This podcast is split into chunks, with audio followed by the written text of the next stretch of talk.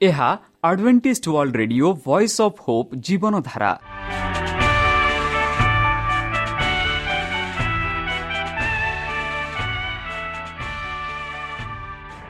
Odia radio କାର୍ଯ୍ୟକ୍ରମ ଯାହା ଆମର ଆନ୍ତର୍ଜାତୀୟ ଆଘାତ କେନ୍ଦ୍ରରୁ ପ୍ରସାରଣ କରାଯାଉଛି ପ୍ରତିଦିନ ରାତି ନଅଟା ତିରିଶ ମିନିଟ୍ରେ। ମୁଁ ସୁବ୍ରତ କୁମାର ପତି ପ୍ରେମର ସହ ଆପଣମାନଙ୍କୁ ଏହି କାର୍ଯ୍ୟକ୍ରମକୁ ସ୍ୱାଗତ କରୁଅଛି। ଚାଲନ୍ତୁ ଆଜିର ତିରିଶ ମିନିଟ୍ର କାର୍ଯ୍ୟକ୍ରମ ବିଷୟରେ ଜାଣିନେବା। ପ୍ରଥମେ ରଖିଛୁ ଆଧ୍ୟାତ୍ମିକ ଭକ୍ତିମୟ ଗୀତ। ଏହାପରେ ଶୁଣିବା ସ୍ୱାସ୍ଥ୍ୟ ବିଷୟରେ ଯାହା ଆମର ଦୈନିକ ଜୀବନରେ ଅତ୍ୟନ୍ତ ଜରୁରୀ। ଆଉ ପରିଶେଷରେ ଶୁଣିବା ପରମେଶ୍ୱରଙ୍କ ଭକ୍ତଙ୍କଠାରୁ ଜୀବନଦାୟକ ଈଶ୍ୱରଙ୍କ ବାକ୍ୟ। ପ୍ରିୟ ଶ୍ରୋତା ତାହେଲେ ଚାଲନ୍ତୁ ଶୁଣିବା ଏକ ଆଧ୍ୟାତ୍ମିକ ଭକ୍ତିମୟ ଗୀତ।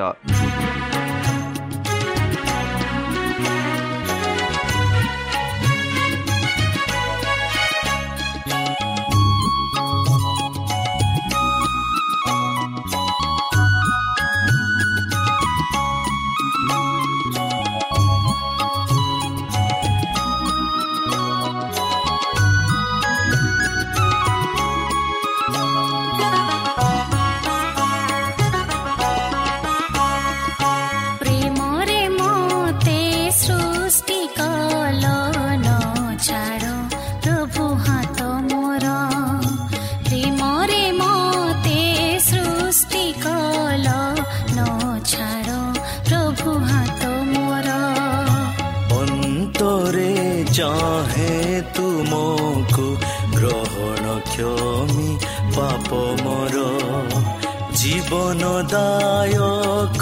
পিতায় জীবনদায়ক পিতায় ও আশ্রা মো প্রাণ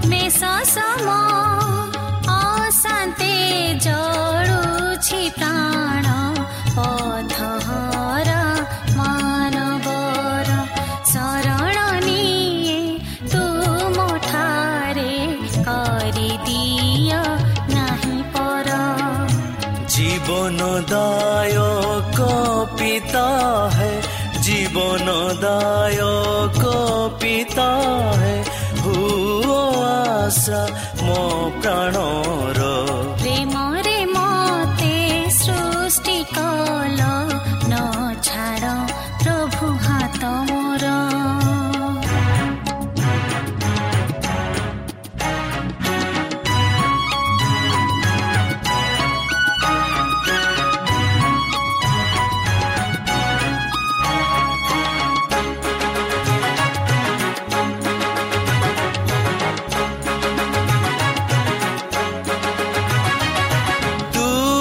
জানতি মসজনে পর করি বান্ধবকু। দূরি যায় তুমা প্রেম প্রেম ত্যাগী কলঙ্কি মু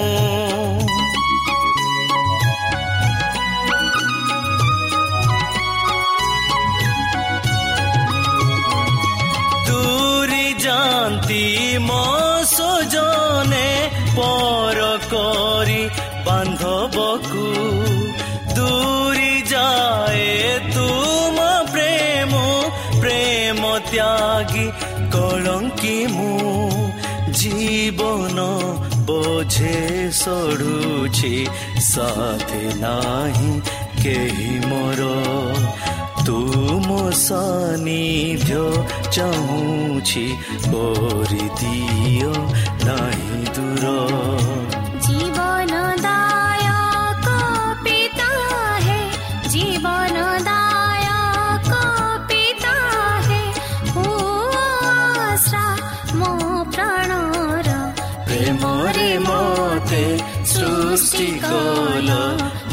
ଛାଡ଼। ପ୍ରଭୁ ହାତ ମୋର। ପ୍ରେମରେ ମୋତେ ସୃଷ୍ଟି କଲ। ନ ଛାଡ଼।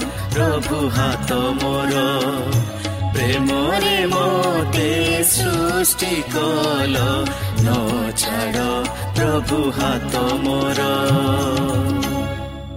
প্রিয় শ্রোতা আমি আশা করুছু যে আমার কার্যক্রম আপনার পসন্দ লাগুব ଆପଣଙ୍କର ମତାମତ ଜଣାଇବା ପାଇଁ ଆମର ଏହି ଠିକଣାରେ ଯୋଗାଯୋଗ କରନ୍ତୁ ଆମ ଠିକଣା Adventist media centre SDA mission compound Salisbury park Pune ଚାରି ଏକ ଏକ ଶୂନ ତିନି ସାତ ମହାରାଷ୍ଟ୍ର ବା ଖୋଲନ୍ତୁ ଆମର ୱେବସାଇଟ୍ ଯେକୌଣସି android phone smartphone desktop laptop କିମ୍ବା ଟ୍ୟାବ୍ଲେଟ୍ ଆମର website W W W dot A W R dot O R G slash O R I ଏବଂ W W W dot Adventist media centre India dot O R G ବର୍ତ୍ତମାନ ଚାଲନ୍ତୁ ଶୁଣିବା ଈଶ୍ୱରଙ୍କ ଭକ୍ତଙ୍କଠାରୁ ଈଶ୍ୱରଙ୍କ ଜୀବନଦାୟକ ବାକ୍ୟ ନମସ୍କାର ପ୍ରିୟ ଶ୍ରୋତା ସେହି ସର୍ବଶକ୍ତି ସର୍ବଜ୍ଞାନୀ ପ୍ରେମର ସାଗର ଦୟାମୟ ଅନ୍ତର୍ଜମୀ ଅନୁଗ୍ରହ ପରମ ପିତାଙ୍କ ମଧୁର ନାମରେ ମୁଁ ପାଷ୍ଟ ପୂର୍ଣ୍ଣଚନ୍ଦ୍ର ଆଉ ଥରେ ଆପଣମାନଙ୍କୁ ଏହି କାର୍ଯ୍ୟକ୍ରମରେ ସ୍ୱାଗତ କରୁଅଛି। ସେହି ସର୍ବଶକ୍ତି ପରମେଶ୍ୱର ଆପଣମାନଙ୍କୁ ସୁରକ୍ଷାରେ ରଖନ୍ତୁ। ସେହି ପରମେଶ୍ୱର ଆପଣଙ୍କ ସମସ୍ତ ମନୋକାମନା ପୂର୍ଣ୍ଣ କରନ୍ତୁ। ତାହାଙ୍କ ପ୍ରେମ ତାହାଙ୍କ ସ୍ନେହ ତାହାଙ୍କ କୃପା ତାହାଙ୍କ ଅନୁଗ୍ରହ ସଦାସର୍ବଦା ଆପଣଙ୍କଠାରେ ସହବର୍ତ୍ତୀ ରହୁ। ପ୍ରିୟ ଶ୍ରୋତା ଚାଲନ୍ତୁ। ଆଜି ଆମ୍ଭେମାନେ କିଛି ସମୟ ପବିତ୍ର ଶାସ୍ତ୍ର ବାଇବଲଠୁ ତାହାଙ୍କ ଜୀବନଦାୟକ ବାକ୍ୟ ଧ୍ୟାନ କରିବା। ଆଜିର ବିଶେଷ ଆଲୋଚନା ହେଉଛି ବାଇବଲ ଭବିଷ୍ୟତବାଣୀ ପୂରଣ ହୋଇଅଛି। ଯେପରି ଗତକାଲି ଆମେ ଭବିଷ୍ୟତବାଣୀ ବିଷୟରେ କଥାବାର୍ତ୍ତା କରିଥିଲୁ ଚାଲନ୍ତୁ ସେହି ଭବିଷ୍ୟତବାଣୀ କିପରି ପୂର୍ଣ୍ଣ ହୋଇଅଛି ତାହା ବିଷୟରେ ଆମେ ଆଜି ବିଶେଷ ଭାବରେ ଆଲୋଚନା କରିବା। ଯଦି ଆମେ ସିପନୀୟ ତାର ଦୁଇ ତେର ପଡ଼ିବା ସେ କହନ୍ତି ପୁଣି ସେ ଉତ୍ତର ଦିଗର ବିରୁଦ୍ଧରେ ଆପଣା ହସ୍ତ ବିସ୍ତାର କରିବେ ଓ ଅସୁରକୁ ବିନଷ୍ଟ କରିବେ। ଆଉ ସେ ନିନି ବିକି ଧ୍ୱଂସ ସ୍ଥାନ ଓ ପ୍ରାନ୍ତର ପରିପୋଷ୍ଟ କରିବେ। ବନ୍ଧୁ ଆମେ ଏଇ ଯେଉଁ ନିନିବି ସହରଙ୍କ ବିଷୟରେ ଯଦି ଆମେ ଆଲୋଚନା କରିବା ସେହି ପ୍ରାଚୀନ ସମୟରେ ନିନିବି ଏକ ଧନୀ ଏକ ବାଣିଜ୍ୟ ପରି ଏକ ବଡ଼ ସହର ବଡ଼ ଦେଶ ଥିଲା। ଆଉ ସେହି ଯେଉଁ ସହରରେ ଲୋକେ ଏତେ ପାପ କାମ କରୁଥିଲେ ସେମାନଙ୍କ ବିନଷ୍ଟ ବିଷୟରେ ପରମେଶ୍ୱର କହିଥିଲେ। ଆଉ ତାହା ପୂର୍ଣ୍ଣ ହୋଇଅଛି ବୋଲି ଆମେ ଦେଖୁଅଛୁ। ସେହିପରି ଜିଜି କିଅ ତାର ଛବିଶ ଯଦି ପଢ଼ିବା ପର୍ବ ଛବିଶ ପର୍ବ ଯଦି ପଢ଼ିବା ସେଠି ଆମେ ଏକ ସୁନ୍ଦର ଭବିଷ୍ୟତବାଣୀ ବିଷୟରେ ଆମେ ପାଉଅଛୁ। ଅଧ୍ୟାୟ ସ୍ୱର ବିରୁଦ୍ଧରେ ଭବିଷ୍ୟତବାଣୀର ଅନନ୍ତର ଏକାଦଶ ବର୍ଷରେ ମାସର ପ୍ରଥମ ଦିନରେ ସଦାପ୍ରଭୁଙ୍କ ବାକ୍ୟ ମୋ ନିକଟରେ ଉପସ୍ଥିତ ହେଲା। ଭବିଷ୍ୟତ ଭକ୍ତ ଏହିପରି କହୁଛନ୍ତି ଯଥା ହେ ମନୁଷ୍ୟ ସନ୍ତାନ ଜେରୁସାଲମ ବିରୁଦ୍ଧରେ ସ୍ୱର କରିଅଛ କହିଅଛି ଭଲ ହେଲା ଭଲ ହେଲା ଯଥା ହେ ମନୁଷ୍ୟ ସନ୍ତାନ ଜେରୁସାଲମ ବିରୁଦ୍ଧରେ ସ୍ୱର କରି କହିଅଛି ଭଲ ହେଲା ଯେ ଗୋଷ୍ଠୀୟମାନଙ୍କ ନଗର ଦ୍ୱାର ସ୍ୱରୂପ ଥିଲା। ସେ ଭଗ୍ନ ହୋଇ ଯାଇଅଛି ବୋଲି ସେ କହନ୍ତି। ଦେଖନ୍ତୁ ବନ୍ଧୁ ଗୋଷ୍ଠୀୟମାନଙ୍କ ନଗର ଦ୍ୱାର ସ୍ୱରୂପ ଥିଲା। ସେ କ'ଣ ହୋଇଛି? ଭଗ୍ନ ହୋଇଯାଇଛି ବୋଲି ଆମେ ଦେଖୁଅଛୁ। ସେ ଆମ୍ଭ ଆଡ଼େ ଫେରି ଅଛି ସେ ଏବେ ଶୂନ୍ୟ ହେବାରୁ ଆମ୍ଭେ ପରିପୂର୍ଣ୍ଣ ହେବା। ଏଥିପାଇଁ ପ୍ରଭୁ ସଦାପ୍ରଭୁ ଏହି କଥା କହନ୍ତି ହେ ସ୍ୱର ଦେଖ ଆମ୍ଭେ ତୁମର ପ୍ରତିକୂଳ ଅଟୁ ଓ ସମୁଦ୍ର ଯେପରି ତରଙ୍ଗ ଉଠାଏ ସେପରି ଆମ୍ଭେ ତୁମ୍ଭ ବିରୁଦ୍ଧରେ ଅନେକ ଗୋଷ୍ଠୀଙ୍କୁ ଉଠାଇବା। ତହିଁରେ ସେମାନେ ସ୍ୱରର ପ୍ରାଚୀର ନଷ୍ଟ କରିବେ ଓ ତାହାର ଦୁର୍ଗ ସବୁ ଭାଙ୍ଗି ପକାଇବେ। ଆମ୍ଭେ ମଧ୍ୟ ତାହାର ଧୂଳି ସବୁ ସାଞ୍ଚି ପକାଇ ତାକୁ ଶୁକ୍ନ ଷୋଳ କରିବେ କରିବା। ସେ ସମୁଦ୍ର ମଧ୍ୟରେ ଜାଳ ପ୍ରସାରିବାର ସ୍ଥାନ ହେବ। କାରଣ ପ୍ରଭୁ ସଦାପ୍ରଭୁ କହନ୍ତି ଆମ୍ଭେ ଏହା କହିଅଛୁ। ବନ୍ଧୁ ଏଇ ଯେଉଁ ଭବିଷ୍ୟତବାଣୀ ବିଷୟରେ ଆମେ ଦେଖୁଛୁ ସେଇ ସ୍ୱରର ନଗର ବିଷୟରେ ସେଇ ସ୍ୱର ରାଜା ବିଷୟରେ ଯିଏକି ନିଜକୁ ଗର୍ଭ କରି ପରମେଶ୍ୱରଙ୍କ ଆଜ୍ଞା ମାନି ନାହିଁ ଆଉ ତାର ବିନଷ୍ଟ କିପରି ହେବ ତାହା ବିଷୟରେ ଆମେ ଦେଖୁଅଛୁ। ଆଉ ସେଇ ବିନଷ୍ଟ ବିଷୟରେ ବି ଆମେ ଦେଖୁଛୁ କି ଏହି ସ୍ୱର ବିନଷ୍ଟ ହୋଇଅଛି ଯାହା ଭବିଷ୍ୟତବାଣୀ କରାଯାଇଥିଲା ତାହା ପରିପୂର୍ଣ୍ଣ ହୋଇଅଛି। ଆଉ ସେ ଗୋଷ୍ଠୀମାନଙ୍କ ପ୍ରତି ଲୁଟ ଦ୍ରବ୍ୟ ସ୍ୱରୂପ ହେବ ମାନେ ଲୋକେ ତାଙ୍କର ଧନ ସବୁ ଲୁଟ କରିବେ। ପୁଣି କ୍ଷେତ୍ରସ୍ଥିତ ତାହାର ବନ୍ୟାଗଣ ଘଡ଼କରେ ହତ ହେବେ। ତହିଁରେ ଆମ୍ଭେ ଯେ ସଦାପ୍ରଭୁ ଅଟୁ ଏହା ସେମାନେ ଜାଣିବେ।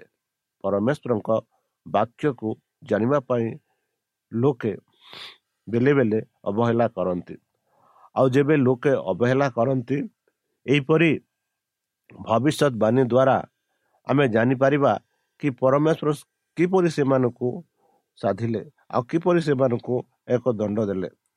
ଯେହେତୁ ସେମାନେ ଈଶ୍ୱରଙ୍କ ବାକ୍ୟ ମାନିଲେ ନାହିଁ ମାନିଲେ ନାହିଁ। ଯେପରି ଆମେ ଦେଖୁଅଛୁ କି ସେ ଗୋଷ୍ଠୀୟମାନଙ୍କ ପ୍ରତି ଲୁଟ ଦ୍ରବ୍ୟ ହେବ ବୋଲି। ପୁଣି କ୍ଷେତ୍ରସ୍ଥିତ ତାହାର ବନ୍ୟଗଣ ଖଡ଼କରେ ହତ ହେବ। ତହିଁରେ ଆମେ ଯେ ସଦାପ୍ରଭୁ ଅଟୁ ଏହା ସେମାନେ ଜାଣିବେ। ବନ୍ଧୁ ଆମେ କେତେ କେବେ ପରମେଶ୍ୱରକୁ ମନ କରିଥାଉ? ଯେବେ ଆମମାନେ ଦୁର୍ଦ୍ଦଶା ବା କଷ୍ଟ ବା ଅସୁବିଧାରେ ପଡ଼ିଯାଇଥାଉ ସେତେବେଳେ ଆମେ ପରମେଶ୍ୱରକୁ ମନରେ ଆଣିଥାଉ। ଆଉ ସେହିପରି ପରମେଶ୍ୱର କହୁଛନ୍ତି ଯେବେ ଆମ୍ଭେ ଏହିପରି ଦୁର୍ଦ୍ଦଶା ଏହି ଯେଉଁ ଗୋଷ୍ଠୀକୁ ଆଣିବା ଏଇ ଯେଉଁ ସ୍ୱରକୁ ଆଣିବା ସେତେବେଳେ ସେମାନେ ମୋତେ ସ୍ମରଣ କରିବେ ସେତେବେଳେ ମୋତେ ଜାଣିବେ ବୋଲି ପରମେଶ୍ୱର କହୁଛନ୍ତି। କାରଣ ପ୍ରଭୁ ସଦାପ୍ରଭୁ ଏହି କଥା କହନ୍ତି। ଦେଖ ଆମ୍ଭେ ଉତ୍ତର ଦିଗରୁ ଅଶ୍ବ ରଥ ଆରୋହୀ ଆରୋ ଅଶ୍ଵହରି ଉଣଗ ଓ ସମାଜ ଓ ଅନେକ ଲୋକ ସହିତ ରାଜା ଦି ରାଜା ବାବିଲର ରାଜା ନଖୁନଜର ସ୍ୱର ବିରୁଦ୍ଧରେ ଆଣିବା। ବନ୍ଧୁ ସେହି ସମୟରେ ଯେଉଁ କି ନମକୁନଜର ରାଜା ଥିଲେ ଯିଏକି ବାବିଲର ରାଜା ଥିଲେ ଏକ ଶକ୍ତିଶାଳୀ ରାଜା ଥିଲା। ଆଉ ସେଇ ରାଜା ଆସି ଏଇ ଯେଉଁ ସ୍ୱରକୁ ବିନଷ୍ଟ କରିବ ଆଉ ଏ ସ୍ୱରକୁ ଦଣ୍ଡ ଦେବ ଆଉ ତାଙ୍କ ଦ୍ୱାରା ଆମେ ଏହି ସ୍ୱରକୁ ଦଣ୍ଡ ଦେବା ବୋଲି ପରମେଶ୍ୱର ଭବିଷ୍ୟତବାଣୀ କରିଥିଲେ। ଆଉ ସେହି ପରି ହେଇଛି ବନ୍ଧୁ ଯଦି ଆପଣ ଇତିହାସ ପଢ଼ିବେ ବାଇବଲ ପଢ଼ିବେ ଯାହା ଯାହା ସ୍ୱରକୁ ହୋଇଥିଲା ସେହି ସବୁ ଘଟିଛି ବୋଲି ଆମେ ଦେଖୁଅଛୁ। ସେ କ୍ଷେତ୍ର ସ୍ଥିତ ତୁମର କନ୍ୟାଗଣକୁ ଖଡ଼କରେ ବୋଧ କରିବ ଆମେ ଦେଖୁଅଛୁ। ନକନଜାର ରାଜା କିପରି ସେହି ନଗରରେ ପ୍ରବେଶ କରି ସମସ୍ତଙ୍କୁ ଖଡ଼କରେ ବୋଧ କରୁଥିଲେ। ଆଉ ସେ ତୁମ୍ଭ ବିରୁଦ୍ଧରେ ଦୁର୍ଗ ନିର୍ମାଣ କରିବ ଓ ତୁମ୍ଭ ବିରୁଦ୍ଧରେ ବନ୍ଦ ବାନ୍ଧିବ ଓ ତୁମ ବିରୁଦ୍ଧରେ ଢାଲ ଉଠାଇବା। ପୁଣି ସେ ତୁମ ପ୍ରାଚୀରର ଦୁର୍ଗ ବେଦରକ ଯନ୍ତ୍ର ସ୍ଥାପନ କରିବ ଓ ତାହାର ଅସ୍ତ୍ରଶସ୍ତ୍ର ଦ୍ୱାରା ସେ ତୁମର ଗର୍ଗ ସବୁ ଭାଙ୍ଗି ପକାଇବ। ଦେଖନ୍ତୁ ବନ୍ଧୁ ଆଜିକାଲି ଆମେ ଆମର ହସ୍ତ୍ରଶସ୍ତ୍ରରେ ଗର୍ଭ କରିଥାଉ।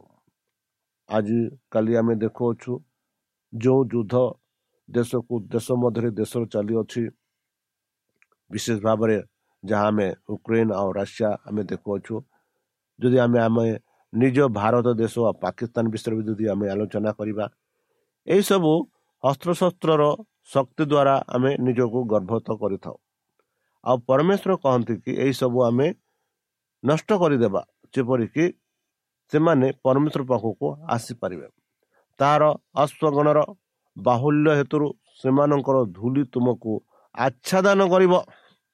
ଲୋକେ ଭଗ୍ନ ପ୍ରାଚୀର ବିଶିଷ୍ଟ ନଗରରେ ପ୍ରବେଶ କଲା ପରେ ଯେତେବେଳେ ସେ ତୁମ ନଗର ଦ୍ୱାରର ପ୍ରବେଶ କରିବ ସେତେବେଳେ ଆଶ୍ୱହରୀୟ ମନର ସକଟର ଓ ରଥ ସମୂହର ଶବ୍ଦରେ ତୁମର ପ୍ରାଚୀର ସବୁ କମ୍ଫି ଉଠିବ। ବନ୍ଧୁ ଯଦି ଏମିତି ଲୋକ ଯଦି ଥରେକ ଯଦି ହଜାର ହଜାର ଲୋକ ସେଇ ରାସ୍ତା ଦେଇ ଯିବ ଯିବେ ଆଉ ସେ ରାସ୍ତାର ଗତି କ'ଣ ହୋଇଥାଏ? ସେହିପରି ଆମେ ପାଉଅଛୁ କି କିପରି ସେଇ ସ୍ୱର ଉପରେ ଆକ୍ରମଣ କରାଯିବ ତାହାକୁ ବର୍ଣ୍ଣନା କରି ପରମେଶ୍ୱର ଆମମାନଙ୍କୁ କହୁଛନ୍ତି ଆଉ କହିଥିଲେ ଆଉ କିପରି ସେହି ଭବିଷ୍ୟତବାଣୀ ପୂର୍ଣ୍ଣ ହୋଇଥିଲା ତାହା ଆମେ ଦେଖୁଅଛୁ। ବନ୍ଧୁ ସେ ଆପଣା ଅସ୍ପଙ୍ଗନର ଖୁରାରେ ତୁମର ସଡ଼କ ସବୁ ଦଲି ପକାଇବ। ସେ ତୁମ୍ଭ ଲୋକମାନଙ୍କୁ ଖଡ଼କରେ ବୋଧ କରିବ ଓ ତୁମର ପରାକ୍ରମ ସମ୍ମୁଖ ସମ୍ର ସଖଳ ଭୂମିସାତ କରିବ। ପୁଣି ସେମାନେ ତୁମ ସମ୍ପତ୍ତି ସବୁ ଲୁଟି ନେବେ ଓ ତୁମ୍ଭର ବାଣିଜ୍ୟ ଦ୍ରବ୍ୟ ହରଣ କରିବେ। ଆଉ ସେମାନେ ତୁମର ପ୍ରାଚୀର ଭାଙ୍ଗି ପକାଇବେ ଓ ତୁମର ମନୋରମ ଗୃହ ସବୁ ଧ୍ୱଂସ କରିବେ। ପୁଣି ଆମ୍ଭେ ତୁମର ଗାୟନ ଶବ୍ଦ ନିବୃତ୍ତ କରାଇବା ଓ ତୁମ ବିନାର ଧ୍ୱନି ଆଉ ଶୁଣାଯିବ ନାହିଁ। ଦେଖନ୍ତୁ ବନ୍ଧୁ କିପରି ପରିସ୍ଥିତି ହେବ ସେହି ସମୟରେ ତାହା ବିଷୟରେ ସେ ଭବିଷ୍ୟତବାଣୀ କରିଥିଲେ ଆଉ ତାହା ଘଟିଅଛି। ପୁଣି ଆମ୍ଭେ ତୁମକୁ ଶୁଷ୍କ ଶୈଳ କରିବା ତୁମ୍ଭେ ଜାଳ ପ୍ରସାରିତ ପ୍ରସାରିବାର ସ୍ଥାନ ହେବ ତୁମ୍ଭେ ଆଉ ନିର୍ମତ ନହିବ କାରଣ ଆମ୍ଭେ ସଦାପ୍ରଭୁ ଏହା କହିଅଛୁ ଏହା ପ୍ରଭୁ ସଦାପ୍ରଭୁ କହନ୍ତି ପ୍ରଭୁ ସଦାପ୍ରଭୁ ସ୍ୱରକୁ ଏହି କଥା କହନ୍ତି ଯେତେବେଳେ ତୁମ ମଧ୍ୟରେ ଆହତ ଲୋକମାନେ ଜାତୁରୋକ୍ତି କରିବେ ଓ ସଂହାର ହେବେ ତୁମର ସେହି ପତନ ସମୟ ଶବ୍ଦରେ କି ଦ୍ୱୀପ ସମୂହ କମ୍ଫିବ ବନ୍ଧୁ। କେଡ଼େ ସୁନ୍ଦର ଭାବରେ ସେହି ବିନାଶ ବିଷୟରେ ଆମମାନଙ୍କୁ କହୁଅଛନ୍ତି ଆଉ ତାହା ଘଟିଅଛି ବୋଲି ଆମେ ଦେଖୁଅଛୁ। ସେତେବେଳେ ସମୁଦ୍ରର ଅଧିପତି ସଖଳ ଆପଣା ଆପଣା ସିଂହାସନରୁ ଓହ୍ଲେଇବେ ଓ ଆପଣା ଆପଣା ଛଗା ତ୍ୟାଗ କରି ଶିଳ୍ପୀ କର୍ମର ବସ୍ତ୍ର ପିଠାଇ ପକାଇବେ ସେମାନେ ଦ୍ରାସ ସ୍ୱରୂପ ବସ୍ତ୍ର ପରିଧାନ କରିବେ ସେମାନେ ଭୂମିରେ ବସିବେ ଓ ଅନୁକ୍ଷଣ ଦୃଶ୍ୟ ଯୁକ୍ତ ହେବେ ଓ ତୁମ ବିଷୟରେ ବିସ୍ମିତ ହେବେ। ପୁଣି ସେମାନେ ତୁମ ବିଷୟରେ ବିଲାପ କରି ତୁମକୁ କହିବେ ହେ ସମୁଦ୍ର ବ୍ୟବସାୟୀ ମାନଙ୍କ ନିବାସ ସମୂହ ବର୍ଦ୍ଧିତ ନଗରୀ ତୁମେ କିପରି ବିନଷ୍ଟ ହୋଇଅଛ? ସତେ ସମୁଦ୍ରର ପରାକ୍ର ଥିଲା ସେ ଓ ତାହାର ନିବାସୀ ମାନଙ୍କ ସେଠାରେ ଗୟାତକାରୀ ସମସ୍ତଙ୍କ ପ୍ରତି ଭୟଜନକ ଥିଲେ। ଏବେ ତୁମର ପତନ ଦିନରେ ଦୀପ୍ତି ସମୂହ କମ୍ପାନ ହେବ ନାହିଁ। ତୁମର ପ୍ରସ୍ଥାନରେ ସମୁଦ୍ରବର୍ତ୍ତୀ ଦୀପ୍ତି ସବୁ ବିହଳ ହେବ। କାରଣ ପ୍ରଭୁ ସଦାପ୍ରଭୁ ଏହି କଥା କହନ୍ତି। ଯେଉଁ ସମୟରେ ଆମେ ତୁମକୁ ନିବାସୀ ବିହନ ନଗର ସମୂହର ତୁଲ୍ୟ ଉଚ୍ଛିନ୍ନ ନଗର କରିବା ଯେଉଁ ସମୟରେ ଆମେ ଗଭୀର ସାଗରକୁ ତୁମ ଉପରକୁ ଆଣିବା ଓ ମହା ଜଳରାଶି ତୁମକୁ ଆଚ୍ଛାଦନ କରିବ। ସେ ସମୟରେ ଆମେ ଗର୍ଭ ଗାମୀମାନଙ୍କ ସହିତ ପୁରାତନ କାଳର ଲୋକମାନଙ୍କ ନିକଟକୁ ତୁମକୁ ଓହ୍ଲାଇ ଆଣିବା ଓ ପୃଥିବୀର ଓଧ ଭାଗରେ ଚିର କାଳରୁ ଉଚ୍ଛନ୍ନ ସ୍ଥାନ ମାନଙ୍କୁ ଗର୍ଭ ଗାମୀମାନଙ୍କ ସଙ୍ଗରେ ତୁମକୁ ବାସ କରାଇବା। ତହିଁ ତୁମ୍ଭେ ବସସ୍ଥିତ ନହିବ। ପୁଣି ଜୀବିତମାନଙ୍କ ଦେଶରେ ଆମ୍ଭେ ଶୋଭା ସ୍ଥାପନ କରିବା। ବନ୍ଧୁ କେଡ଼େ ସୁନ୍ଦର ଭାବରେ ଏଇ ଯେଉଁ ଭବିଷ୍ୟତ ବାଣୀ କୁହାଯାଇଅଛି ଆଉ କରାଯାଉଛି ତାହା ପରିପୂର୍ଣ୍ଣ ହୋଇଛି ବୋଲି ଆମେ ଦେଖୁଅଛୁ। ଯାହା ପରମେଶ୍ୱର ଏଇ ଯେଉଁ ଅଧ୍ୟାୟରେ ଏମାନଙ୍କୁ କହିବାକୁ ଯାଉଅଛି ତାହା ସବୁ ଘଟିଅଛି ବୋଲି ଆମେ ଦେଖୁଅଛୁ। ଆମେ ତୁମକୁ ଭୟକାରୀ କରିବା ତୁମେ ଆଉ ନଥିବ ଯଦ୍ୟପି ତୁମର ଅନ୍ୱେଷଣ କରି କରାଯିବ ତଥାପି ତୁମର ଉଦ୍ଦେଶ୍ୟ ଆଉ କେବେ ମିଳିବ ନାହିଁ। ଏହା ପ୍ରଭୁ ସଦା ପ୍ରଭୁ କହନ୍ତି। ବନ୍ଧୁ କେଡ଼େ ସୁନ୍ଦର ଭାବରେ ଆମେ ଦେଖିଲୁ ପରମେଶ୍ୱର କହିଥିଲେ। ସେହିପରି ଯଦି ଆମେ ଜି ଜି କଲ ଅଠାଇଶ ତାର କୋଡ଼ିଏ ଟୁ ତେଇଶ ପଢ଼ିବା ଅନନ୍ତର ସଦାପ୍ରଭୁ ଏହି ବାକ୍ୟ ମୋ ନିକଟରେ ଉପସ୍ଥିତ ହେଲା ହେ ମନୁଷ୍ୟ ସନ୍ତାନ ତୁମେ ସିଦନ ଆଡ଼େ ଆପଣା ମୁଖ ରଖି ତାହା ବିରୁଦ୍ଧରେ ଭବିଷ୍ୟତବାଣୀ ପ୍ରଚାର କର। ଆଉ କୁହ ପ୍ରଭୁ ସଦାପ୍ରଭୁ ଏହି କଥା କହନ୍ତି ସେ ସିଦନ ଦେଖ ଆମ୍ଭେ ତୁମର ପ୍ରତିକୂଳ ଅଟୁ ପୁଣି ଆମ୍ଭେ ତୁମ ମଧ୍ୟରେ ଗୌରବାନ୍ୱିତ ହେବା।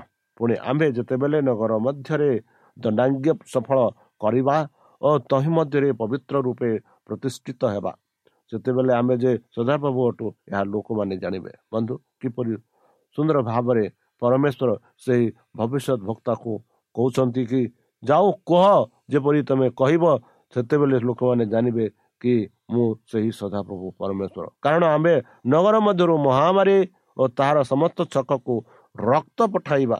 ପୁଣି ତାହାର ଚତୁର୍ଥ ଦିଗସ୍ଥ ସଡ଼କ ଦ୍ୱାରା ଆହତ ଲୋକମାନେ ତାର ମଧ୍ୟରେ ପୀଡ଼ି- ପୀଡ଼ିତ ହେବେ। ତହିଁରେ ଆମ୍ଭେ ସେ ସଦାପ୍ରଭୁ ଅଟୁ ଏହା ଲୋକମାନେ ଜାଣିବେ। ବନ୍ଧୁ କିପରି ପରମେଶ୍ୱର କହୁଛନ୍ତି ଦେଖନ୍ତୁ ବନ୍ଧୁ ଏହିପରି ଘଟାଇବି ଯେପରି ସଦାପ୍ରଭୁ ଲୋକମାନେ ଜାଣିପାରିବେ କି ମୁଁ ସେହି ସଦାପ୍ରଭୁ ବୋଲି। ଏହିପରି ଜିଜିକିଅ ଅଣତିରିଶ ପନ୍ଦରରେ ଆମେ ଦେଖୁଛୁ ନାନା ରାଜ୍ୟ ମଧ୍ୟରେ ତାହା ନିତତମ ହେବ ଓ ନାନା ଗୋଷ୍ଠୀ ମାନଙ୍କ ମଧ୍ୟରେ ସେ ଆପଣାକୁ ଆଉ ଉନ୍ନତ କରିବ ନାହିଁ। ପୁଣି ଆମ୍ଭେ ସେମାନଙ୍କୁ ନୂ- ନୂନ୍ୟ କରିବା ତହିଁରେ ସେମାନେ ଗୋଷ୍ଠୀରେ ଉପରେ ଆଉ କର୍ତ୍ତୃତ୍ୱ କରିବେ ନାହିଁ। ବନ୍ଧୁ କେଡ଼େ ସୁନ୍ଦର ଭାବରେ ଆମେ ଏଠି ପାଉଛୁ କି ଯାହା ଯାହା ପରମେଶ୍ୱର ଭବିଷ୍ୟତବାଣୀ କରିଥିଲେ ତାହା ପୁଅଟ ହୋଇଅଛି। ତାହେଲେ ଚାଲନ୍ତୁ ସେହି ପରମେଶ୍ୱର ଯାହାକି ଭବିଷ୍ୟତବାଣୀ କରିଥିଲେ ତାଙ୍କ ବାକ୍ୟରେ ଆମେ ବିଶ୍ୱାସ କରି ଯେପରିକି ଆମେ ନ ବିନଷ୍ଟ ହୋଇ ତାଙ୍କ ରାଜ୍ୟକୁ ଯାଇପାରିବା ସେ ଯୋଗୁଁ ସେହି ଯୀଶୁଖ୍ରୀଷ୍ଟଙ୍କ ଠାରେ ବିଶ୍ୱାସ କରି ତାଙ୍କ ବାକ୍ୟରେ ବିଶ୍ୱାସ କରି ନିଜକୁ ସମର୍ପଣ କରି ତାହାଙ୍କ ମଧ୍ୟ ନାମରେ ଆମେ ପ୍ରାର୍ଥନା ଉତ୍ସର୍ଗ କରିବା। ହେ ଆମ୍ଭମାନଙ୍କ ସର୍ବଶକ୍ତି ସର୍ବଜ୍ଞାନୀ ପ୍ରେମର ସାଗର ଦୟାମୟ ଅନ୍ତର୍ଜମୀ ଅନୁଗ୍ରହ ପରମ ପିତା। ଧନ୍ୟବାଦ ଅର୍ପଣ କରୁଛୁ ପ୍ରଭୁ। ବର୍ତ୍ତମାନ ଯେଉଁ ବାକ୍ୟ ତୁମ ଭକ୍ତମାନଙ୍କୁ ଶୁଣାଇଲେ ସେହି ବାକ୍ୟ ଅନୁସାରେ ଏମାନଙ୍କୁ ଚାଲିବା ପାଇଁ ବୁଦ୍ଧିରେ ଜ୍ଞାନରେ ଶକ୍ତିରେ ପରିପୂର୍ଣ୍ଣ କର। ଆମ ପାପ ସବୁ ତୁମ ସେହି ବହୁମୂଲ୍ୟ ରକ୍ତରେ ପରିଷ୍କାର ରୂପେ ଧୋଇଦିଅ। ଆଉ ପରିଶେଷ ଯେବେ ତୁମେ ତୁମ ସେହି ସହସ୍ରଦୂତଙ୍କ ସହ ଆସିବେ ସେତେବେଳେ ଆମମାନଙ୍କୁ ଏକ ବାସସ୍ଥାନ ଦିଅ ବୋଲି ତ୍ରାଣକର୍ତ୍ତା ପ୍ରଭୁ ଶିଶୁଙ୍କ ମଧୁରମୟ ନାମରେ ଏହି ଛୋଟ ବିକ୍ଷମ ଅଛି ଶୁଣି ଗ୍ରହଣ କର। ଆମେନ୍। ସ୍ୱର୍ଗ ସୁଖ ଛାଡ଼ି ଜଗତେ ଆସିଲା ଯିଶୁ ରାଜା ଦେଖା ଭାଇ। আশা নুনা নুনি আশা ধাংরা ধাংরি নাচুকায় আনন্দ হই